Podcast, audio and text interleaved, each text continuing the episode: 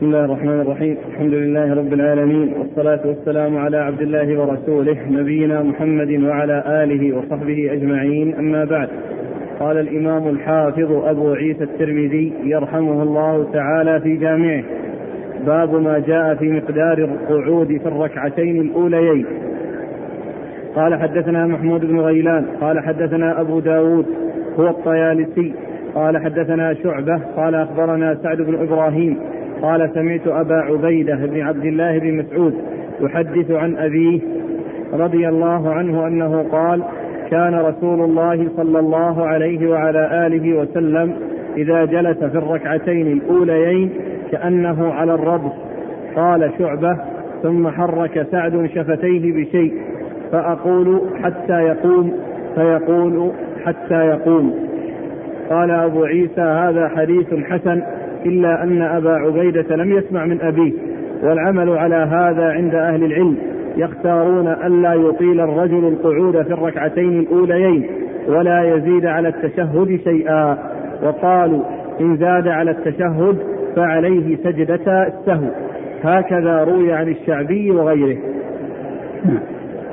قال رحمه الله تعالى انتهى بسم الله الرحمن الرحيم. الحمد لله رب العالمين وصلى الله وسلم وبارك على عبده ورسوله نبينا محمد وعلى آله وأصحابه أجمعين. أما بعد فيقول الإمام أبو عيسى الترمذي رحمه الله في جامعه باب في مقدار الجلوس آه مقدار الجلوس بين الركعتين. مقدار القعود في الركعتين الأوليين. مقدار القعود في الركعتين الأوليين أي في الجلوس التشهد الأول. مقدار ذلك وأنه يخفف أو أنه يخفف. فلا يطال كما يطال التشهد الأخير. فلا يطال الجلوس فيه كما يطال الجلوس في التشهد الأخير أي أنه يكون أخف منه. وقد أورد أبو عيسى حديث عبد الله بن مسعود رضي الله تعالى عنه أن النبي صلى الله عليه وسلم كان إذا كان في ركعتين وبعد ركعتين يكون كأنه على الرغف والرغف هي الأرض الحجارة الحارة التي أصابتها حرارة الشمس أو الأرض التي أصابتها حرارة الشمس. ويكون معنى ذلك أنه من يكون عليها فإنه لا يستقر وإنما يسرع يعني هذا فيه مبالغة يعني في عدم الإطالة. وان وأنه لا يطيل الجلوس. وفيه أنه قال يقول آه حتى حتى حتى يقوم آه فيقول يعني حتى يقوم يعني أن أن أن, إن أنه على الرزق حتى يقوم. يعني يعني أن هذه الكلمة آه حرك شفتيه بكلمة فقلت حتى يقوم قال حتى يقوم.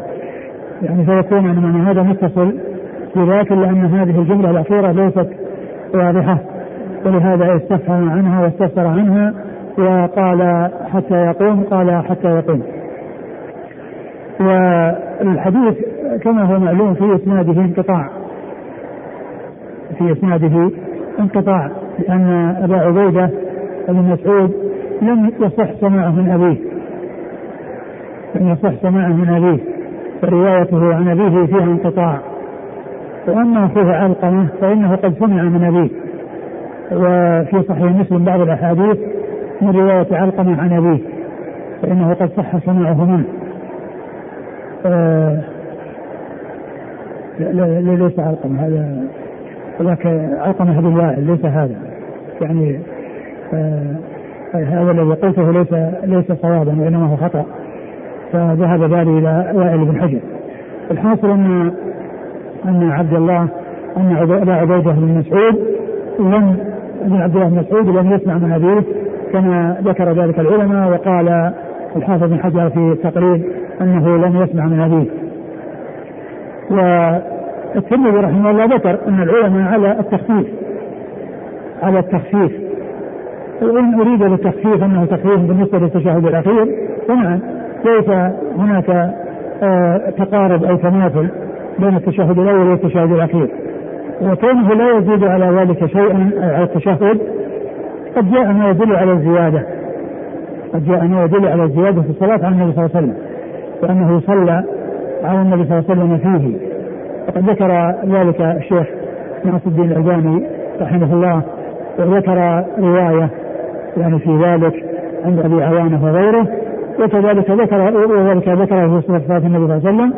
وذكره أيضا شيخنا الشيخ عبد بن باز في كيفية صلاة النبي صلى الله عليه وسلم فإنه ذكر أنه في التشهد الأول يأتي بعد ذكر التحيات بالصلاة على النبي صلى الله عليه وسلم. ولا شك أنه إذا قورن بين التشهد الأول والتشهد الأخير ولو جعل معه الصلاة على النبي صلى الله عليه وسلم فإنه يكون خفيفا لأن التشهد الأخير يطال فيه الدعاء ويكثر فيه من الدعاء. ولهذا الرسول صلى الله عليه وسلم بعدما ذكر الصلاة قال ثم يتخير من الدعاء أعجبه إليه أو ثم يكثر من الدعاء فليأتي من الدعاء بما شاء فالتشهد الأخير الأمر فيه واسع و والدعاء فيه يعني من مطلوب وكثر الدعاء فيه مطلوب وكالسجود السجود يكثر فيه من الدعاء وكذلك يعني في التشهد الأخير يكثر فيه من الدعاء لأن النبي صلى الله عليه وسلم قال إنه يتخير من الدعاء اعجبه اليه. وقول الترمذي هنا إنه حديث حسن وقوله إن اسناده يعني ليس بمتصل يعني هذا يعني يعني يعارض أو يقابل كونه يعني انه انه متصل يعني كونه قد حسن لكن لا أعرف يعني وجه ذلك. اللهم إلا إذا كان يعني عرض ذلك باقوال بعض الصحابة لأنه جاء عن بعض الصحابة أنه كان يعني يكون كأنه على الرأس ومن ذكره من الشيخ شاكر أو أو صاحب أو الشارح. ذكر ذلك الأثر عن أبي بكر وعن عمر. عن أبي بكر وعن ابن عمر نحوه. إيه عن أبي بكر. وقال إن إسناده صحيح. فلا أدري يعني هذا الحسن الذي رآه مع أنه قال إنه منقطع. اللهم إلا أن لا يريد يعني حسن الحديث أو إنه يعني أنه حسن من حيث المعنى. وان ان التشهد الأول يخفف وأنه لا يطال. وانه فرق بينه وبين التشهد الأخير هذا صحيح أما آه، قوله منقطع فإنه لا يكون إلا لوجود شواهد أو وجود يعني ما يؤيده ولا أعلم عن شيء يدل على تأييده من السنة ولكن جاء ما يدل على معناه من عن أصحاب رسول الله صلى الله عليه وسلم عن أبي بكر وعن ابن عمر رضي الله تعالى عنهم. نعم. قال حدثنا محمود بن غيلان لا المتن قال عن عبد الله بن مسعود رضي الله عنه كان رسول الله صلى الله عليه وآله وسلم إذا جلس في الركعتين الأوليين كأنه على الرب. نعم. الرأس هي حجارة محماة من حرارة الشمس. نعم.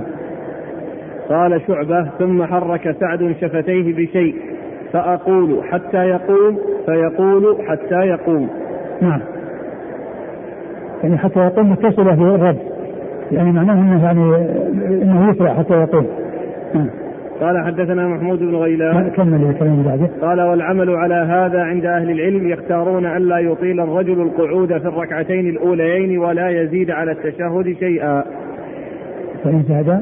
وقالوا إن زاد على التشهد فعليه سجدة السهو وهذا وهذا يعني القول الذي ذكره عزاه إلى أهل العلم يعني قد ورد يعني ما يدل على أنه زاد على ذلك الصلاة على الرسول صلى الله عليه وسلم كما ذكرت وقد ذكر الشيخ الألباني رحمه الله في سيرة صلاة النبي وذكر ذلك أيضا شيخنا الشيخ عبد بن باز رحمة الله على الجميع في كيفية صلاة النبي صلى الله عليه وسلم الرسالة المختصرة المفيدة العظيمة التي لا يستغني عنها آه، طلبة العلم ولا يستغني عنها آه، يعني آه، الجميع.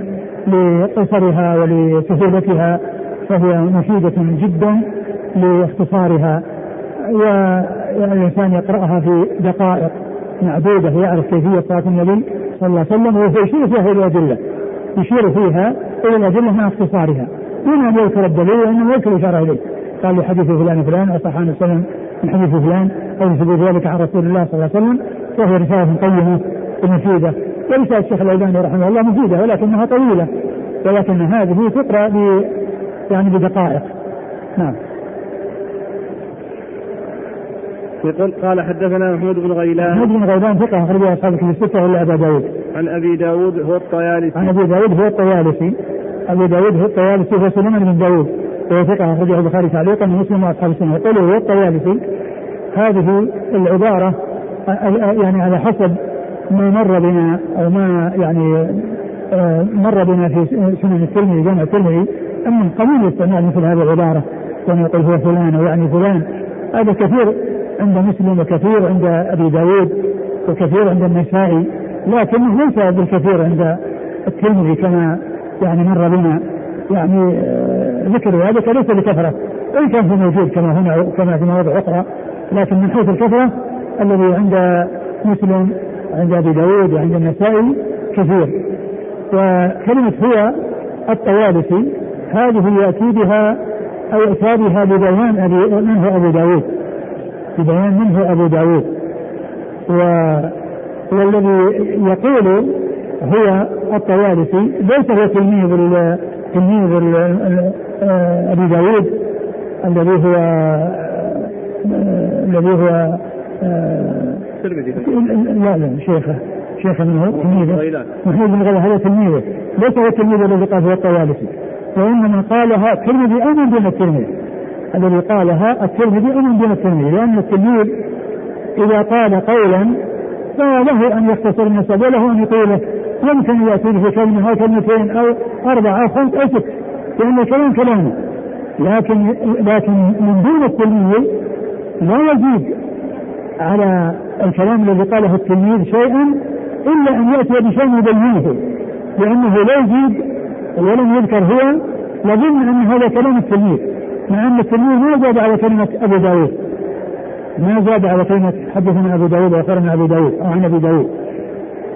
فاذا كلمة هو تبين أن الذي قالها من دون التلميذ وهو هنا اما الترمذي أو من دون الترمذي.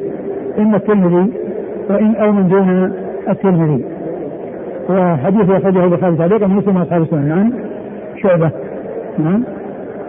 عن شعبة نعم. شعبة هو ابن الحجاج هو ابن الحجاج الواسطي ثم البصري وهو ثقة أخرج له أصحاب كتب الستة.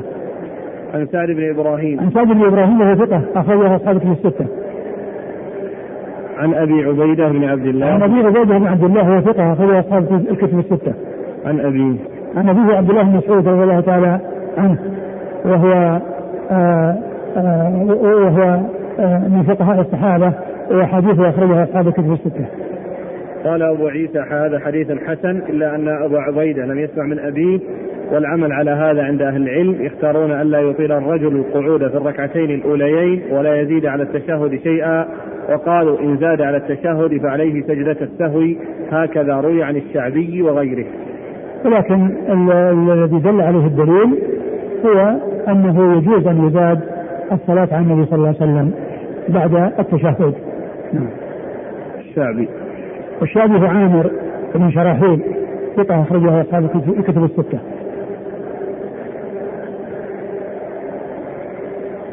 يقول السائل هل يصح للمأموم قراءة الصلاة على النبي صلى الله عليه وسلم والاستعاذة من عذاب النار وعذاب القبر وفتنة المحيا والممات إذا تأخر الإمام في الجلسة للتشهد الأول؟ والله يعني إذا كان إذا كان الإمام الإمام تأخر يعني في الذي ورد انه إنه ورد هذا وهذا. ورد هذا وهذا. ما ورد زيادة على ذلك. ما معنى يعني شيء يدل على الزيادة على ذلك. بل بعض أهل العلم جعله لا يزيد على آه، التشهد كما ذكره الترمذي.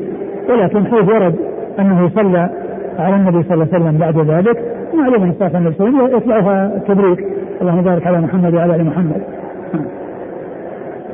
ويقول في التشهد الأول هل نصلي على النبي صلى الله عليه وسلم الصلاة الواردة الصلاة الإبراهيمية؟ نعم الصلاة الإبراهيمية.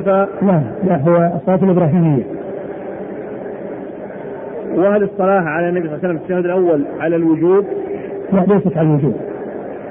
ليست على الوجوب يعني فيها خلاف بين العلم. هذه اللي هي الصلاة على التشهد واجب. التشهد الأول واجب والجلوس له واجب اثنين. والحديث الجواب الذي سبق مر بنا قبل هذا القيام من التشهد القيام عن التشهد الأول يكون ترك فيه شيئان. واجبان. التشهد الأول والجلوس له. التشهد الأول والجلوس له. وهو يدل على أن السهو إذا تكرر أو كان عن أمور متكررة فإنه يكفي فيه سجدتان فلو تكرر السهو أو ترك أمورا متعددة تحتاج إلى سجود السهو فإنه لا يزاد على سجدتين. لأن الرسول صلى الله عليه وسلم لما ترك هذين الاثنين وهما التشهد الأول والجلوس له وهما اثنان سجد سجدتين سجد سجدتين. فدل على أن تكرر السهو أو ترك أشياء متعددة بسبب السهو وهي من الأمور الواجبة التي تجبر سجد السهو يكفي فيها سجدتان.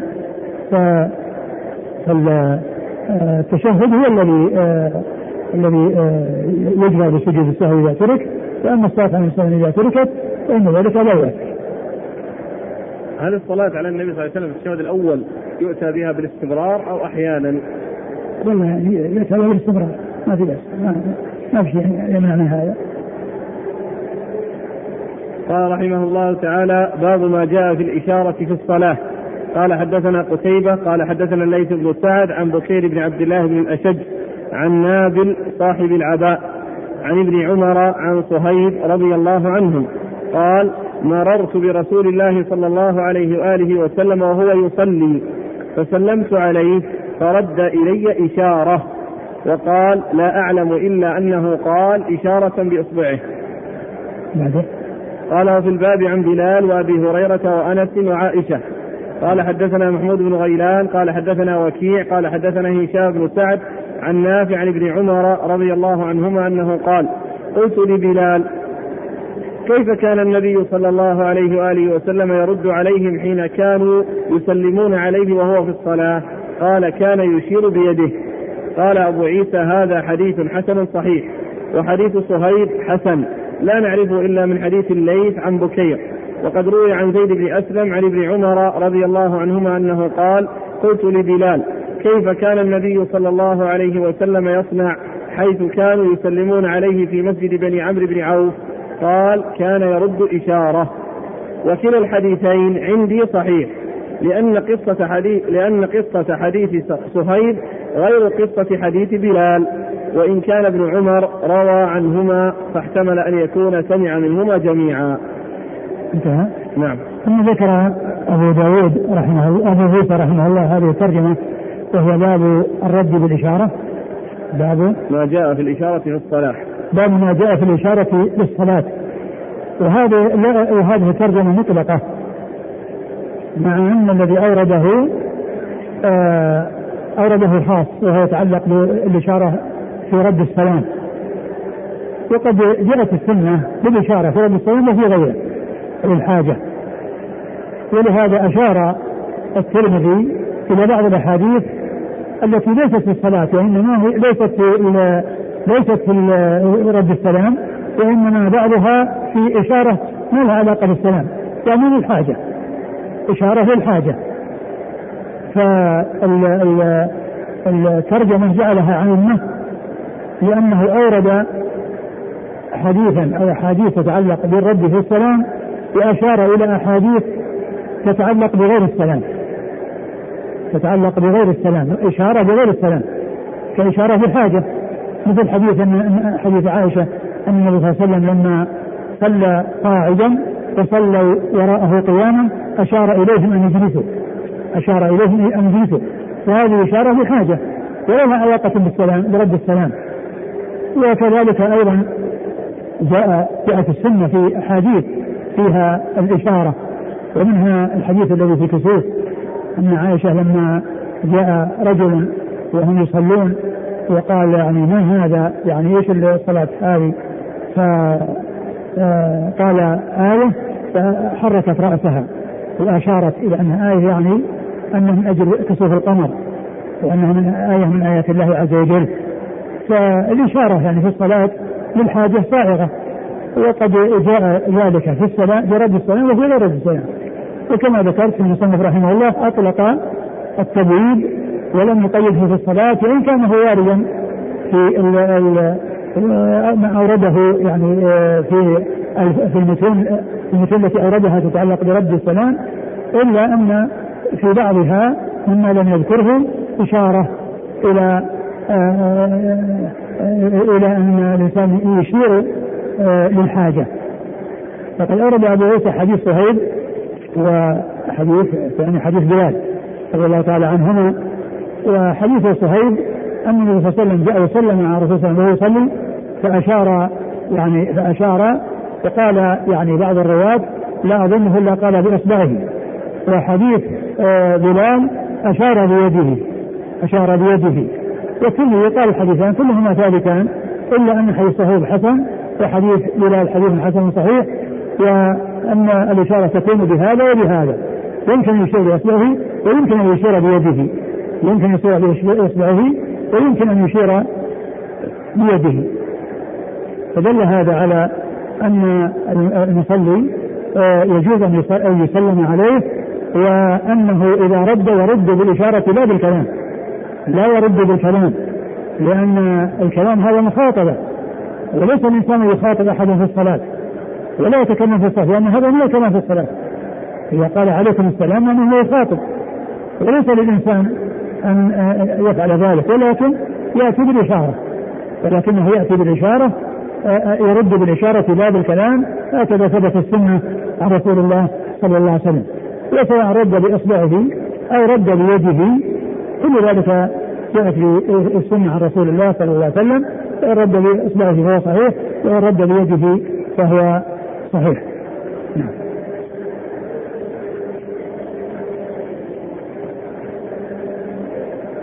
قال حدثنا قتيبة ويقول الثاني حدثنا قتيبة وهو قتيبة بن سعيد وابن جميل بن طريف البغلاني ثقة أخرج له أصحاب الكتب الستة. عن الليث بن سعد عن الليث بن سعد وهو ثقة فقيه أخرج له أصحاب الكتب الستة. عن بكير بن عبد الله بن الأشج. عن بكير بن عبد الله بن الأشج وهو ثقة أخرج له أصحاب الكتب الستة. عن نابل صاحب عن نابل صاحب الآباء وهو مقبول أخرج له. أبو داود والترمذي والنسائي. أبو داود والترمذي والنسائي. صاحب العباء صاحب العباء يعني آه العباء هو آه مثل آه يقال له صاحب الشمال وصاحب الأكسية المقصود من ذلك يعني الألبسة. يعني إما العباء جمع عباءة أو كساء جمع آه، كساء أكسية جمع كساء أو شمال جمع شملة. شمال جمع شملة يقال له صاحب العباء وصاحب الأكسية وصاحب الشمال. وصاحب الشمال.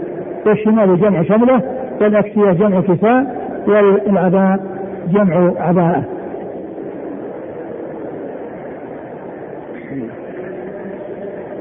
عن ابن عمر عن عبد الله بن عمر عن عن عبد الله بن عمر رضي الله تعالى عنهما وهو أحد العباد الأربعة من الصحابة واحد السبع المعروفين بكثرة الحديث عن النبي صلى الله عليه وسلم. عن صهيب عن صهيب بن سنان الرومي رضي الله تعالى عنه و وحديثه أخرجه أصحاب الكتب الستة. قال مرة النبي صلى الله عليه وسلم يصلي فسلمت عليه فرد إلي بإشارة. قال لا أعلم إلا أنه قال إشارة بإصبعه. المبارك فوري وصاحب علم معبود ذكر أو ذكروا أنه أن أن قال ذلك هو هو هو نابل. ولكن الذي حققه الشيخ ناج شاكر أنه الليث بن سعد يعني مع شيخه آه، بكر بن عبد الله بكير بن عبد الله الاشج.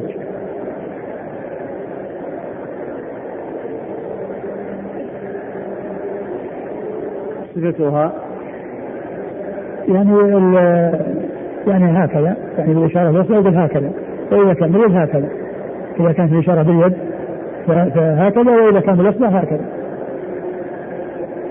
قال وفي الباب عن بلال وفي الباب عن بلال آه بلال هو ابن رباح آه حديث أخرجه أصحاب الكتب الستة. وأبي هريرة أبي هريرة عبد الرحمن بن صخر الدوسي أكثر الصحابة حديثا. وأنس أنس بن مالك خادم النبي صلى الله عليه وسلم وأحد السبعة المعروفين بكثرة الحديث عنه صلى الله عليه وسلم. وعائشة وعائشة أم المؤمنين الصديقة من الصديق واحدة من ثلاثة أشخاص عرفوا بكثرة الحديث عن النبي صلى الله عليه وسلم. قال حدثنا محمود بن غيلان قال حدثنا وكيع. محمود بن غيلان مر ذكره وكيع هو ابن الجراح الرئاسي الكوفي ثقة أخرج له أصحاب الكتب الستة. عن هشام بن سعد. عن هشام بن سعد وهو ثقة. صدوق له وهو صدوق له وهام أخرج له. البخاري تعليقا ومسلم واصحابه البخاري تعليقا ومسلم وأصحاب السنة. عن نافع. عن نافع مولى بن عمر وهو ثقة أخرجه أصحاب الكتب الستة. عن ابن عمر عن بلال. عن ابن عمر رضي الله عنهما عن بلال فقد مر ذكرهما. قال أبو عيسى هذا حديث حسن صحيح وحديث صهيب حسن لا نعرفه إلا من حديث الليث عن بكير. وقد روي عن زيد بن أسلم عن ابن عمر. زيد بن أسلم ثقة أخرجه أصحاب الكتب الستة نعم. عن ابن عمر قال قلت لبلال كيف كان النبي صلى الله عليه وسلم يصنع حيث كانوا يسلمون عليه في مسجد بني عمرو بن عوف؟ بني عبد العوف هم أهل أهل قباء نعم. قال كان يرد إشارة. وهذه إشارة مطلقة. والذي تقدم فيه الإصبع وفيه اليد. وكلا الحديثين عندي صحيح لأن قصة حديث صهيب غير قصة حديث بلال. وإن كان ابن عمر روى عنهما فاحتمل أن يكون سمع منهما جميعا. هو سمع منهما جميعا بلا شك. لأنه روى عنهما جميعا. يقول الشيخ أحمد شاكر قال في عون المعبود اعلم أنه ورد الإشارة لرد السلام في هذا الحديث بجميع الكف. وفي حديث جابر باليد. وفي حديث ابن عمر عن صهيب بالإصبع. في فرق بجميع الكف. حديث جابر باليد. والله يبدو أن هذه الكف يعني كما هو معلوم هي من الرزق من الرزق ويعني يمكن أيضا أن تفسر ال- ال- اليد بأنها الكف. وإذا كان المقصود به اليد يعني كاملة معناه أنه يحركها كلها يعني ليس ليس خاصا بال بال- لكن يمكن أن يكون المقصود باليد هو الكف. لأن اليد هي الكف. تقطع أيديهما تقطع أيديهما يعني الكف. وفي حديث ابن مسعود عند البيهقي بلفظ فأومأ برأسه. وفي حديث ابن مسعود. عند البيهقي. بلفظ فأومأ برأسه ما أدري عن صحته لكن إذا ثبت فكل ما ثبت يؤخذ به. وفي رواية له فقال برأسه. يعني قال برأسه يعني أشار برأسه. يعني الرد. يعني قال؟ يعني فعل. لأنه يعبر عن الفعل بالقول. قال بيديه هكذا يعني فعل بيديه هكذا يعني يعبر عن القول بالفعل. يعبر عن الفعل بالقول. قال قال أي فعل. ويجمع بين هذه الروايات بأنه صلى الله عليه وسلم فعل هذا مرة وهذا مرة فيكون جميع ذلك جائزا. نعم.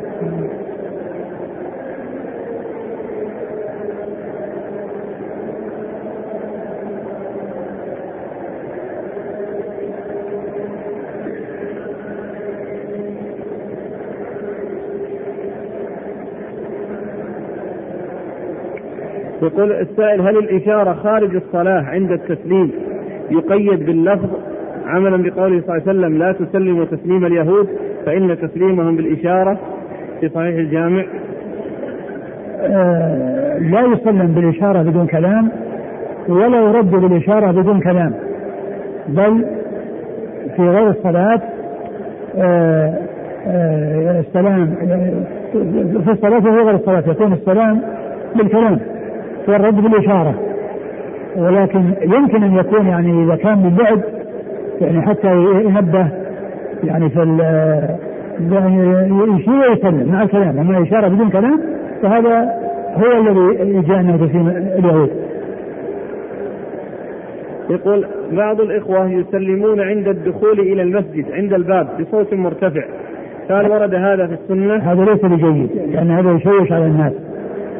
والإنسان إذا دخل حتى لو يعني جاء الإنسان بصوت منخفض. ما يعني بصوت مرتفع حتى لو كان شخصا واحدا يعني بحيث يسمعه. أما كونه يعني يرفع صوته فلا.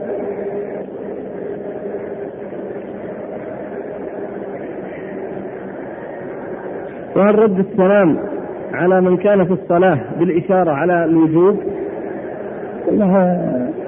رد السلام واجب. هو واجب في الأصل. وذو الكلام ويبدو أن الإشارة هي مثل الكلام لأنها قامت مقامه إلا أنه منع من الكلام في الصلاة وجاء آه، بدلا منه الإشارة. ولولا أن آه ولأهمية الرد في الصلاة أنه ما ترك بل وجد عن طريق الإشارة لأنه لا يجوز الكلام في الصلاة. لأنه لا يجوز الكلام في الصلاة ورد السلام من الكلام الذي لا يجوز. فيبدو أن الفرع يعني حكم حكم الأصل. نعم. يقول ورد في حديث آخر أنه عندما يشير بيده يجعل ظاهر كفه إلى السماء وباطنها إلى الأسفل إلى الأرض. هو كما هو معلوم الإنسان يعني إلى هذا فهو يعني يشير بيده. يعني طبعا ظهرها إلى السماء. يقول إذا مد أحد الناس يده إلي وأنا في الصلاة للمصافحة. أبدا امتنع أقول لا تمد يدك إليه. ابقي على ما ينفع عليك. وامتنع من من من, من, من تحقيق رغبته. نعم. ومده بعد ذلك لأن هذا لا يجوز.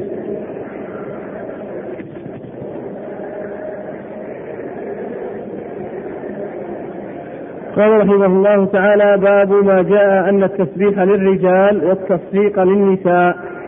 قال حدثنا هناد قال حدثنا أبو معاوية عن الأعمش عن أبي صالح عن أبي هريرة رضي الله عنه أنه قال قال رسول الله صلى الله عليه وآله وسلم التسبيح للرجال والتصفيق للنساء. قال وفي الباب عن علي وسهل بن سعد وجابر وأبي سعيد وابن عمر رضي الله عنهم وقال علي كنت إذا استأذنت على النبي صلى الله عليه وسلم وهو يصلي سبح قال أبو عيسى حديث أبي هريرة حديث حسن صحيح والعمل عليه عند أهل العلم وبه يقول أحمد وإسحاق. نعم. ثم ورد أبو عيسى باب التسبيح للرجال والتصفيق للنساء يعني أنه في الصلاة آه، آه، عندما يحصل أمر يقتضي التنبيه على شيء فإن الرجال يسبحون يقولون سبحان الله والنساء تصفق ولا تتلفظ ولا يظهر صوتهن وإنما يكون من شأنهن التصديق. وبهذا جاءت السنة عن رسول الله صلى الله عليه وسلم كما في حديث أبي هريرة وهذا من الأحكام التي فيها التفريق بين الرجال والنساء في الأحكام.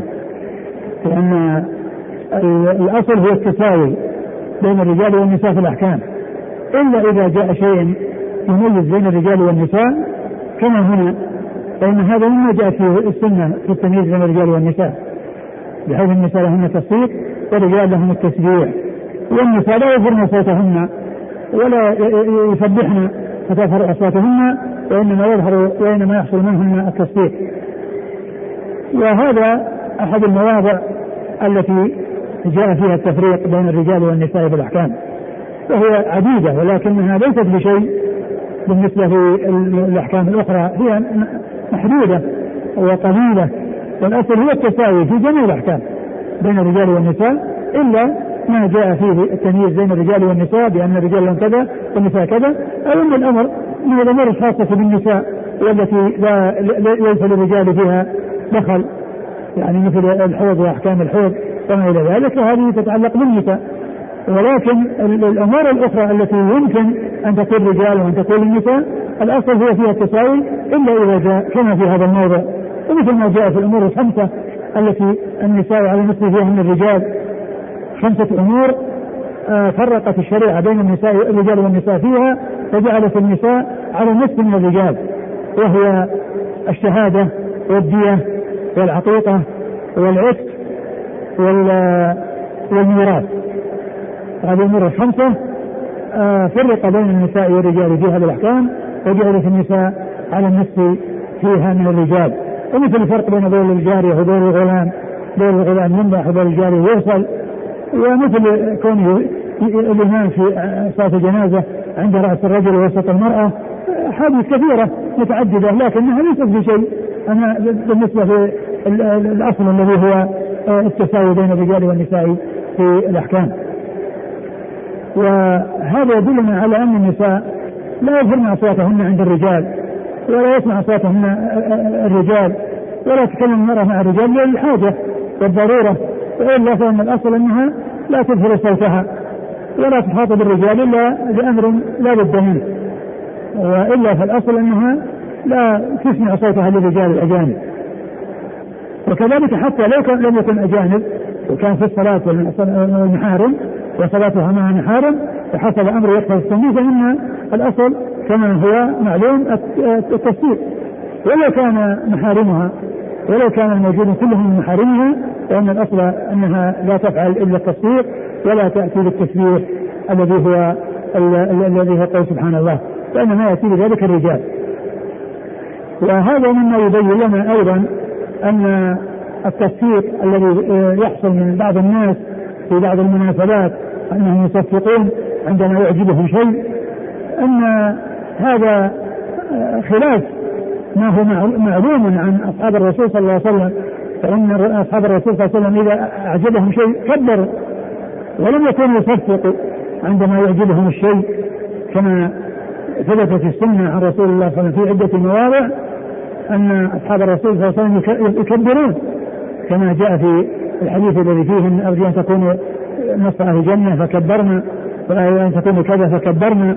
يعني أنهم سروا وفرحوا وقالوا الله أكبر وكذلك عمر رضي الله عنه لما بلغه أن النبي صلى الله عليه وسلم طلق نساءه وجاء من بستانه حتى وصل إلى الرسول صلى الله عليه وسلم وسأل عنه فقالوا إنه في مشربه يعني في مكان مرتفع اعتزل نساءه شهرا فدخل عليه وقال يا رسول الله أطلقت نسائك؟ قال لا قال الله أكبر. فرح. فهذا هو السنة في حق الرجال أنهم يكبرون. عند حصول أمر يسر ولا يصفقون لأن التصفيق ليس من شأن الرجال وإنما هو من شأن النساء.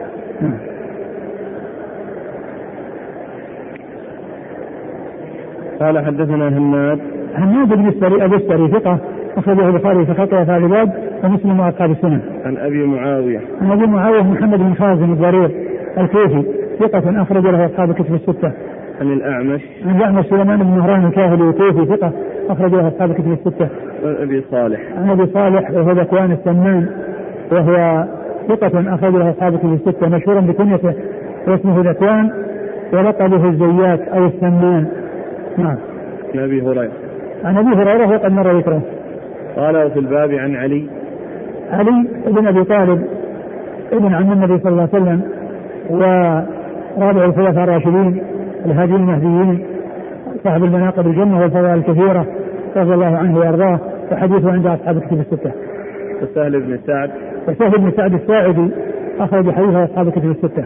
وجابر وجابر بن عبد الله الأنصاري رضي الله عنهما أحد السبعه المعروفين بكثرة الحديث عن النبي صلى الله عليه وسلم. وأبي سعيد. وأبي سعيد سعد بن مالك بن سنان الخدري من السبعة المعروفين بكثرة الحديث عن النبي صلى الله عليه وسلم. وابن عمر. وابن عمر رضي الله تعالى عنهما وقد مر ذكره. وقال علي كنت إذا استأذنت على النبي صلى الله عليه وسلم وهو يصلي سبح.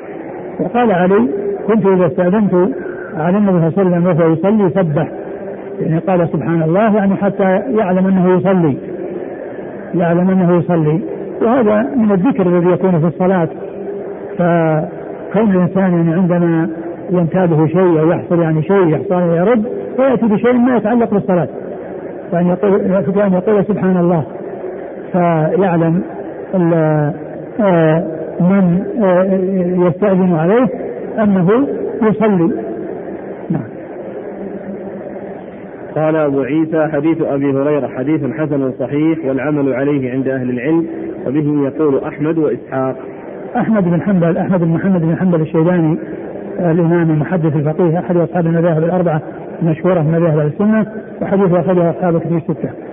وإسحاق وابن إبراهيم بن راهويه الحنبلي المروزي وهو ثقة أخرج له أصحاب كتب الستة وابن ماجه.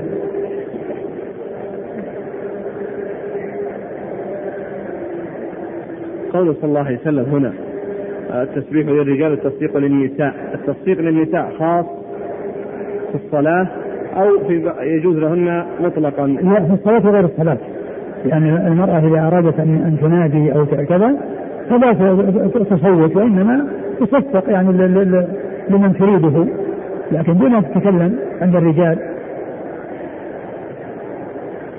يقول هل يدخل في هذا التسبيح عند الدخول في الصف والإمام راكع لأجل أن يدرك الركعة؟ لا. لا يفعل لا يقول سبحان الله. لأنه لو قال سبحان الله يمكن أن يتوهم الإمام أن فيه عنده شيء من الخطأ. ثم أيضا ليس الإمام أن يقول سبحان المأمون. أو المسبوق سبحان الله يريد منه أن أنه يؤخر له.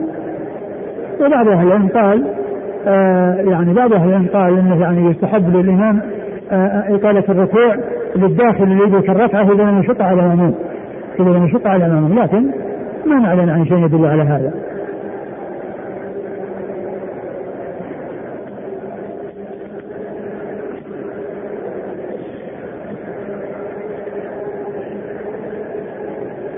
قال رحمه الله تعالى باب ما جاء في كراهية التثاؤب في الصلاة. قال حدثنا علي بن حجر. قال أخبرنا إسماعيل بن جعفر عن العلاء بن عبد الرحمن عن أبيه عن أبي هريرة رضي الله عنه أن النبي صلى الله عليه وآله وسلم قال التثاؤب في الصلاة من الشيطان فإذا تثاءب أحدكم فليكظم ما استطاع.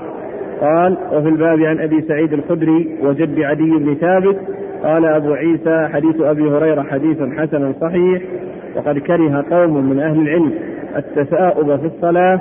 قال إبراهيم إني لأرد التثاؤب بالتنحنح. آه، ثم ورد أبو عيسى رحمه الله هذه الترجمة باب كراهية التثاؤب في الصلاة.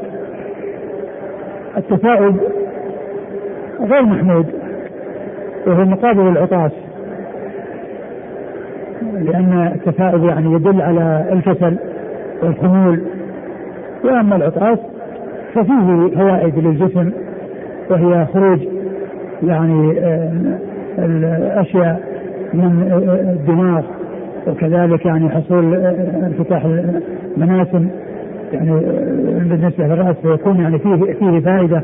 ولهذا جاء العطاس من الله والتفاؤل من الشيطان. فهذا محمود وهذا مذموم وهذه الكراهية المقصود بها يعني كون الإنسان يقدر أن يتخلص منه. أما إذا غلبه ولم يقدر عليه فهذا شيء لا لا لا, لا ليس ليس له قدرة عليه. والله تعالى لا يكلف نفسا لا يسعى.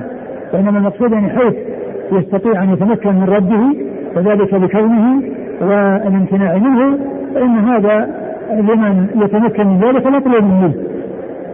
أبي هريرة نعم. رضي الله عنه ان النبي صلى الله عليه وسلم قال التثاؤب من الشيطان لأنه يدل على الكسل وعلى الخمول وعلى ال ال الرغبة في, في النوم وهو مقابل للنشاط وللجد. فإذا فإذا فإذا تثاءب فليكظم ما استطاع فليكظم ما استطاع يعني ما أنه يعني يحاول يعني منع في اطلاق يعني فمه بحيث يعني لا يحصل تفاؤل وقد جاء وكذلك أيضا إذا غلبه وضع يده على فمه وضع يده على فمه لأن ذلك مما يعني يكون في كونه وعدم التوسع فيه. قال إيش لفظه فإذا فإذا تثاءب أحدكم فليكظم ما استطاع. نعم. وكذلك هذا مطلوب في الصلاة وغير الصلاة لكن في الصلاة أشد وأعظم. نعم قال حدثنا علي بن حجر علي بن حجر بن اياس السعدي ثقة أخرجه البخاري ومسلم والترمذي والنسائي. عن إسماعيل بن جعفر. عن إسماعيل بن جعفر ثقة أخرجه أصحاب الكتب الستة. عن العلاء بن عبد الرحمن. عن العلاء بن عبد الرحمن الحرقي وهو صديق ربما وهم. صديق ربما وهم أخرجه البخاري تعليقا. في القراءة. البخاري في القراءة ومسلم. نعم. وأصحاب السنة. عن أبيه. عن أبيه وهو ثقة أخرج البخاري في القراءة ومسلم. ثقة أخرجه البخاري في القراءة ومسلم وأصحاب السنة. عن أبي هريرة. عن أبي هريرة رضي الله عنه وقد مر ذكره. قال وفي الباب عن أبي سعيد الخدري وجد عدي بن ثابت. أبي سعيد الخدري مر ذكره. وجد عدي بن ثابت وجدته عن شيء. سبق مضى معنا وكنا ذكرنا هناك. قيل أنه دينار يقول حافظ بن حجر ولا يصح. قال أبو داود الترمذي بن ماجه. اخرج له أبو داود. أبو داود الترمذي. وابن ماجه. وابن ماجه. قال أبو عيسى حديث أبي هريرة حديث حسن صحيح وقد كره قوم من أهل العلم التثاؤب في الصلاة. قال إبراهيم إني لأرد التثاؤب بالتنحنح. قال إبراهيم إني لأرد التثاؤب بالتنحنح. يعني من غير يحصل وسواس يعني يحاول أنه يعني يمنعه بهذه الحركة التي فيها الحولولة دون آه، دونه.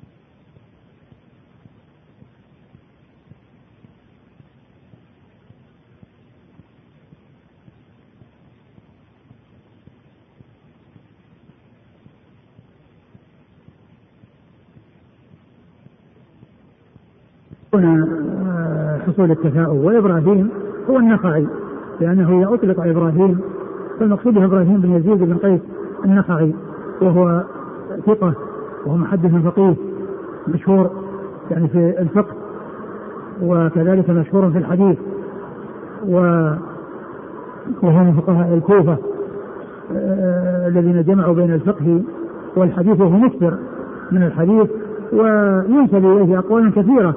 في مسائل الفقه. وقد ذكر ابن القيم في آه، كتابه زاد المعاد عند ذكر آه، كل ما لا نفس له سائلة لا ينجس الماء إذا مات فيه هذه آه، قاعدة عامة. كل ما لا نفس له سائلة لا ينجس الماء إذا إذا مات فيه يعني ما فيه دم مثل الجراد ومثل يعني مثل الجراد يعني ومثل آه، الذباب وغيره يعني من الأشياء التي لا تنجس ولهذا جاء فيما يتعلق ب وقد ذكروا هذا عند حديث غمس الذباب للماء إذا وقع عليه وقد قالوا أنه قد يكون الماء حارا فإذا غمس فيه مات فدل على أنه ذلك لا يؤثر يعني نجاسة في الماء. وقالوا عند ذلك كل ما لا نفس له سائلة لا ينجس الماء إذا مات فيه وهذه العبارة قال ابن القيم في كتابه زاد المعاد أول من عرف عنه أنه عبر بهذه العبارة فقال ما لا نفس له سائلة لا ينجس الماء فيه إذا ما إذا مات فيه إبراهيم النخعي. وعنه تلقاها الفقهاء من بعده. وعنه تلقاها الفقهاء من بعده.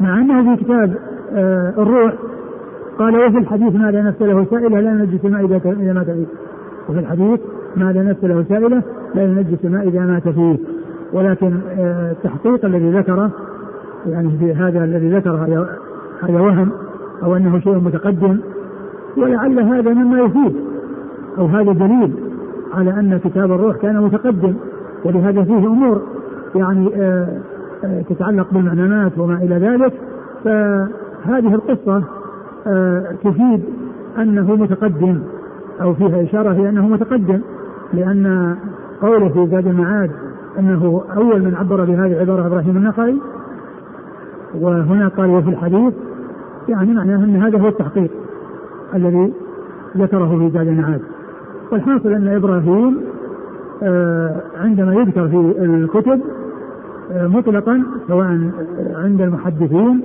أو عند الفقهاء فإن المقصود ذلك إبراهيم النقعي لهذا ذكر في كتاب التوحيد قال إبراهيم كانوا يضربوننا على اليمين والعهد ونحن صغار قال إبراهيم يعني النقعي كانوا يضربوننا على اليمين والعهد ونحن صغار يعني أنهم يعني يمنعونهم من التهاون بأمر الحلف واليمين والعهد وأنهم يربونهم وينشئونهم على عدم آه، التهاون في في في العهود والأيمان وأن هذا يعني لا يعود عليه الأطفال وإنما يؤدبونهم بحيث لا يستعملون مثل ذلك. نعم. هنا قوله صلى الله عليه وسلم التثاؤب في الصلاة من الشيطان. هل له مفهوم؟ التثاؤب في غير الصلاة ليس من الشيطان؟ لا لا ليس. لأن جاء الحديث مطلقة التثاؤب من الشيطان. فيعني في داخل الصلاة وخارج الصلاة ولكن في الصلاة يعني أشد وأعظم. يقول السائل فإذا كان التثاؤب من الشيطان هل صحيح أن النبي صلى الله عليه وسلم من صفاته أنه لا يتثاءب؟ ما أعرف ما أعرف يعني ما أعرف يعني شيء في هذا.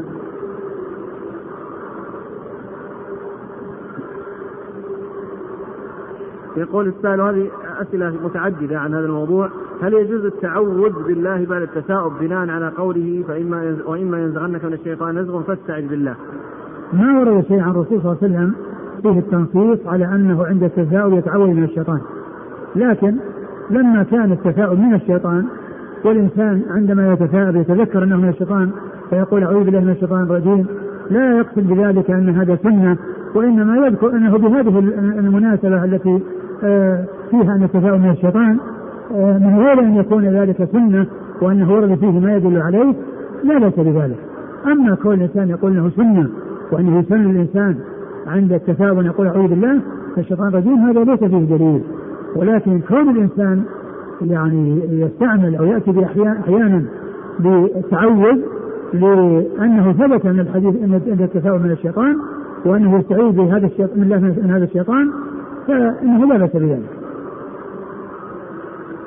قال رحمه الله تعالى باب ما جاء أن صلاة القاعد على النصف من صلاة القائم قال حدثنا علي بن حجر قال حدثنا عيسى بن يونس قال حدثنا حسين المعلم عن عبد الله بن بريدة عن عمران بن حسين رضي الله عنهما أنه قال سألت رسول الله صلى الله عليه وسلم عن صلاة الرجل وهو قاعد فقال من صلى قائما فهو أفضل ومن صلى قاعدا فله نصف أجر القائم ومن صلى نائما فله نصف أجر القاعد.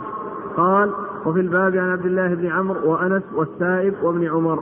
قال أبو عيسى حديث عمران بن حصين بن حصين حديث حسن صحيح. وقد روي هذا الحديث عن إبراهيم بن طهمان بهذا الإسناد إلا أنه يقول عن عمران بن حصين قال سألت رسول الله صلى الله عليه وسلم عن صلاة المريض فقال صل قائما فإن لم تستطع فقاعدا فإن لم تستطع فعلى جنب. حدثنا بذلك هناد قال حدثنا وكيع عن إبراهيم بن طهمان عن حسين المعلم بهذا الحديث. قال أبو عيسى ولا نعلم أحد روى عن حسين المعلم نحو رواية إبراهيم بن طهمان. وقد روى أبو أسامة وغير واحد عن حسين المعلم نحو رواية عيسى بن يونس. وقد روى. وقد روى أبو أسامة وغير واحد عن حسين المعلم نحو رواية عيسى بن يونس. ومعنى هذا الحديث عند بعض أهل العلم في صلاة التطوع. قال حدثنا محمد بن بشار قال حدثنا ابن أبي عدي عن أشعث بن عبد الملك عن الحسن قال إن شاء الرجل صلى صلاة التطوع قائما وجالسا ومضطجعا. واختلف أهل العلم في صلاة المريض إذا لم يستطع أن يصلي جالسا. قال بعض أهل العلم يصلي على جنبه الأيمن. وقال بعضهم يصلي مستلقيا على قفاه ورجلاه إلى القبلة. وقال سفيان الثوري في هذا الحديث من صلى جالسا فله نصف أجر القائم. قال هذا للصحيح. ولمن ليس له عذر يعني في النوافل. فأما من كان له عذر من مرض أو غيره فصلى جالسا فله مثل أجر القائم. وقد روي في بعض هذا الحديث مثل قول سفيان الثوري. نعم. ثم ورد أبو عيسى باب ما جاء في على ما جاء أن أن آه، صلاة القائد على النصف من صلاة القائم. أي على النصف في الأجر وذلك إنما يكون في النوافل. وأما بالنسبة للفرائض فيجب على من قدر على القيام أن لا يصلي جالسا بل عليه أن يصلي قائما. ويجب على من قدر على الجلوس من لم يقدر على من قدر على الجلوس ألا يصلي مضطجعا بل عليه أن يصلي جالسا. يجب عليه أن يصلي جالسا إن كان يقدر ولا يتحول إلى الشيء الذي دونه إلا إذا عجز عن الذي فوقه. إذا عجز عن الذي فوقه تحول إلى ما دونه. فمن عجز عن القيام تحول إلى الجلوس. ومن تحول ومن عجز عن الجلوس تحول إلى الاضطجاع تحول إلى الاضطجاع وهذا إنما هو في النوافل. ما جاء من الأحاديث على أن آه، صلاة القاعد على نفس من القائم إنما هو في حق الصحيح القادر. لأنه له هذا وله هذا. فإن صلى قائما فإنه يحصل اجر كاملا. وإن صلى جالسا جاز له ذلك. لا يقال إنه لا يجوز. ولكن في الفريضة لا يجوز. ولو صلى جالسا مع قدرة على القيام بطل صلاته يعني ترك ركنا من أركان الصلاة وهو القيام ولهذا القيام مع القدرة. يقولون عند القيام القيام مع القدرة. ليس القيام دائما وأبدا. وإنما هو مع القدرة عليه. أما إذا عجز عنه فإنه ينتقل إلى ما هو دونه. ومن عجز عن القيام في الفرض سواء في الفرض أو النفل وكان وصلى قاعدا فإنه يحصل الأجر كاملا. يحصل الأجر كاملا. لأنه ثبت في صحيح البخاري عن أبي موسى الأشعري رضي الله تعالى عنه أنه قال قال رسول الله صلى الله عليه وسلم إذا مرض العبد أو سافر كتب له ما كان يعمل وهو صحيح مقيم. إذا مرض العبد أو سافر كتب له ما كان يعمل وهو صحيح مقيم فهذا يدل على أن المريض آه، يكتب له ما كان يعمل في حال صحته إذا عجز عن ذلك بسبب المرض. وعلى هذا فإن هذا التنصيص الذي جاء في الحديث إنما هو في النوافل دون الفرائض لأن الإنسان وهو قادر على القيام له أن يجلس ولكن لا يحصل الأجر كاملا لأنه ترك ما هو قادر عليه. ترك شيئا هو قادر عليه ولكنه رخص له فيه وبين له أن أجره على النصف من أجل القائم. نعم. وكذلك وكذلك قد أورد حديث عمران بن حسين وفيه أيضا أنه إذا لم يستطع أنه أنه أن صلاة النائم على النصف من صلاة القاعد. يعني معناه أنه إذا صلى مضطجعا أو مستلقيا وذلك في النفل فإنه على النصف أي أنه يكون على الربع. بالنسبة لصلاة القائم يكون ربعها لأن النصف للجالس ونصف النصف الذي في الربع يكون في حق المضطجع. نعم. قال حدثنا علي بن حجر. علي بن حجر عن عيسى بن يونس. عيسى بن يونس آه، ثقة أخرجه أصحاب الكتب الستة. عن حسين المعلم. عن حسين بن بن ذكوان المعلم ثقة. أخرجه أصحاب الكتب الستة. عن عبد الله بن بريدة. عن عبد الله بن بريدة بن حصين ثقة أخرجه أصحاب الكتب الستة. عن عمران بن حصين. عن عمران بن حصين أبي نجيد رضي الله تعالى عنه وحديثه أخرجه أصحاب الكتب الستة. قال وفي الباب عن عبد الله بن عمرو. نعم مر ذكره وأنس. وأنس كذلك. والسائب. والسائب بن يزيد أخرج حديثه أصحاب الكتب. سائب بن أبي السائب. السائب بن أبي السائب أخرج حديثه. أبو داود والنسائي بن ماجه. أبو أبو داود والنسائي بن ماجه. وابن عمر. وابن عمر مر قال أبو عيسى حديث عمران بن حصين حديث حسن صحيح. نعم. وقد روي هذا الحديث عن إبراهيم بن طهمان بهذا الإسناد. إبراهيم بن طهمان ثقة أخرجه أصحاب الكتب الستة. إلا أنه يقول عن عمران بن حصين قال سألت رسول الله صلى الله عليه وسلم عن صلاة المريض. فقال صل قائما فإن لم تستطع فقاعدا فإن لم تستطع فعلى جنب. حدثنا بذلك هناد عن وكيع. يعني جاء عنه هذا وهذا. عمران بن حصين جاء عنه هذا وهذا. جاء عنه آه، آه، أن أن صلاة صلاة المتنفل على نفسه من صلاة القائم في سواء جلوسا أو أو أو اتجاعا وجاء عنه آه، أن المريض يفعل ما يستطيع ولا يكلف الله نفسا إلا وسعها. صل قائما فإن لم تستطع فقاعدا فإن لم تستطع فعلى جنب. هناد عن وكيل هناد ابن السري أبو السري ثقة أخرجه البخاري في خلق افعال العباد ومسلم واصحاب السنن. وكيع مر ذكره. عن إبراهيم بن طهمان عن حسين المعلم بهذا الحديث. نعم. قال أبو عيسى ولا نعلم أحدا روى عن حسين المعلم نحو رواية إبراهيم بن طهمان. نعم.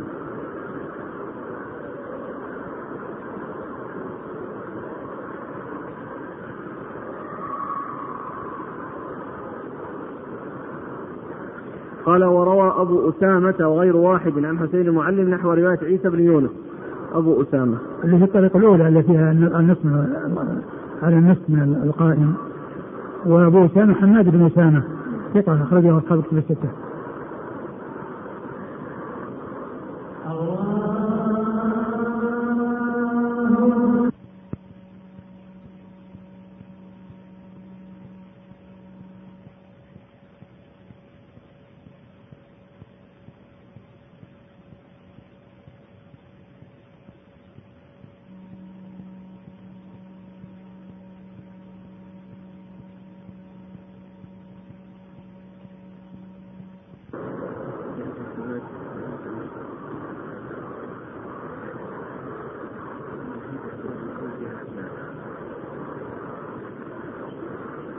نعم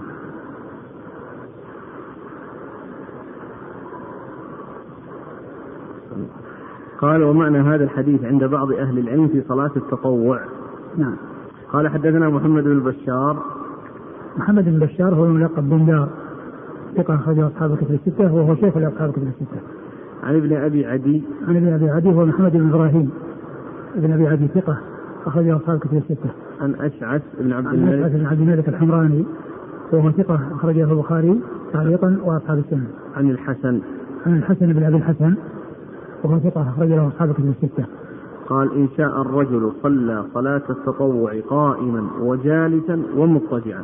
وهذا أثر عن الحسن بن أبي الحسن بإسناد صحيح إليه أنه المتطوع له أن يصلي كما جاء في حديث عمران على التفصيل الذي جاء في عمران إن كان قائما له الأجر كاملا وإن كان آه، جالسا فله النصف وإن كان مضطجعا فهو على النصف من الجالس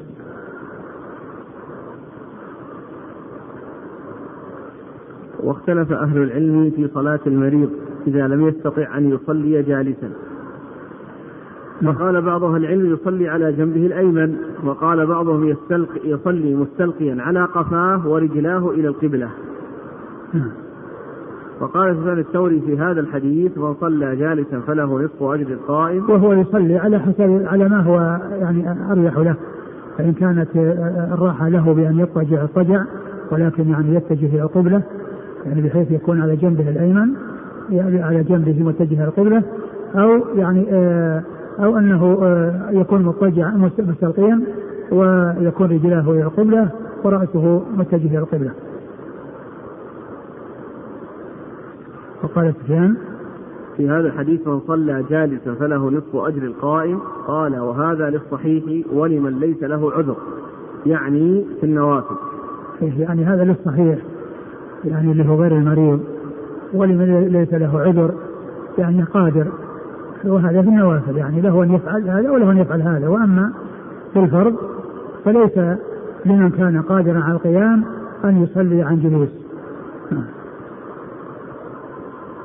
فأما من كان له عذر من مرض أو غيره فصلى جالسا فله مثل أجر القائم. نعم يعني الأجر كاملا.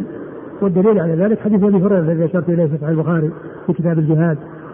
آآ آآ إذا مرض العبد أو سافر كتب له ما كان يعمل وهو صحيح مقيم صحيح ترجع إلى إذا مرض ومقيم ترجع إلى ترجع إلى سافر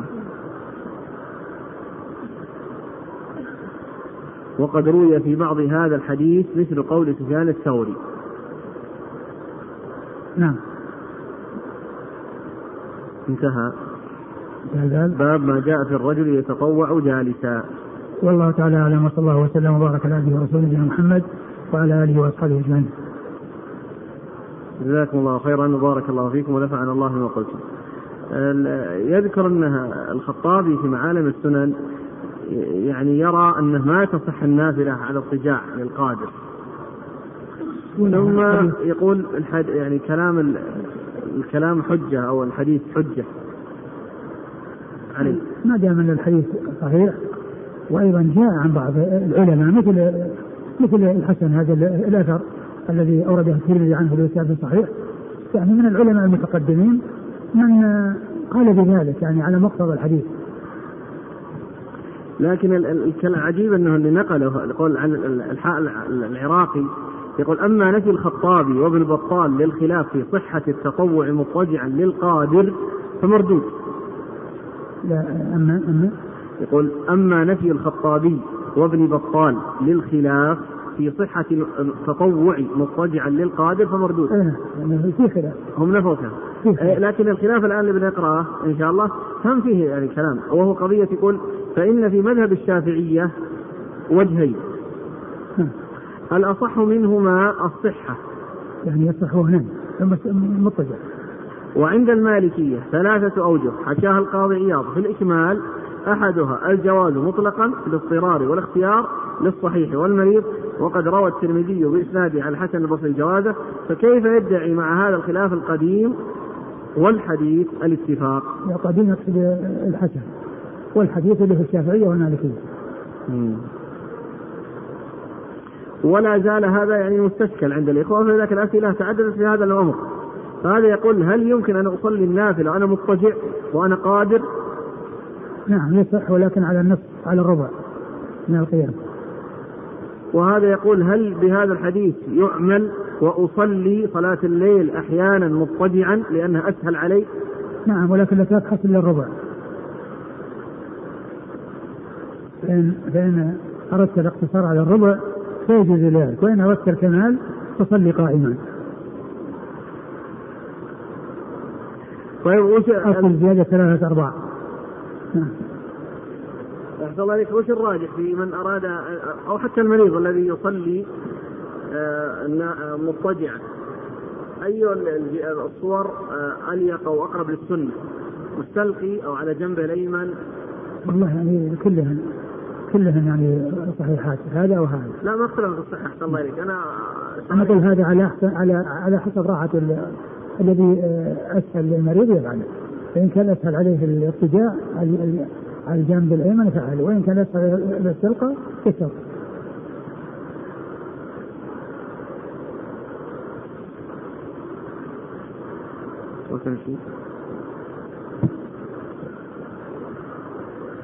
طيب يا معين هذا الأخ آه، يقول كلام شيخ الإسلام تيمية عن جلسة الاستراحة للمأموم إذا كان لا يجلسها الإمام موجود في مجموع الفتاوى في مجلد الفقه.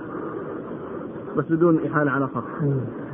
إحالة على أقول إحالة على شيء واسع. تحصيله يعني ليس من السهل. ولكن كما كما كما قلت جلسة الاستراحة هي مثل رفع اليدين ومثل وضع اليدين على الصدر. الإنسان يفعل السنة فعلها الإمام أو ما فعلها. وهذا لا في ليس فيه لجلسة الاستراحة آه، آه، مخالفة من ناحية المتابعة لأنها قصيرة ما لا يعني يترتب عليها تخلف. أقول لا يترتب عليها تخلف. والمقصود أن الإنسان لا يتخلف عن الإمام بل يتابعه. والمتابعة تتحقق بكونه يفعل الجلسة ثم يقوم. فهي مثل رفع اليدين عند التكبير والرفع الركوع الرفع منه والقيام التشهد الأول. ومثل أيضا آه، وضع اليدين على الصدر. فلو كان الإنسان يعني يتابع إماما في هذه الأمور ما أمكنه أن يصلي وراء إمام إلا أن يعرف طريقته قبل أن يصلي حتى يتابع.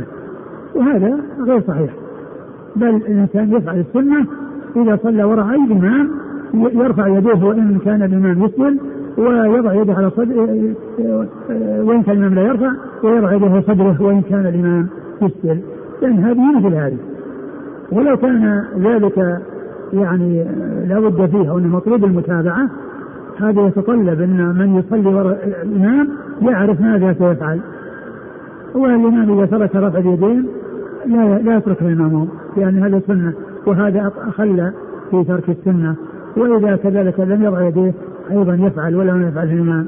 وكيف؟ جلسة الاستراحة يفعل ولا لم يفعل الإمام؟ هذا قريب من الإحالة على واسع. يقول عدم التثاؤب وكلمة لعلها التمطي هو من خصائصه صلى الله عليه وسلم كما ذكر الحافظ في الفتح وذكر آثارا على ذلك. وين ذكر فيه؟ بدون حالة بدون حالة. هذا ما ينفع.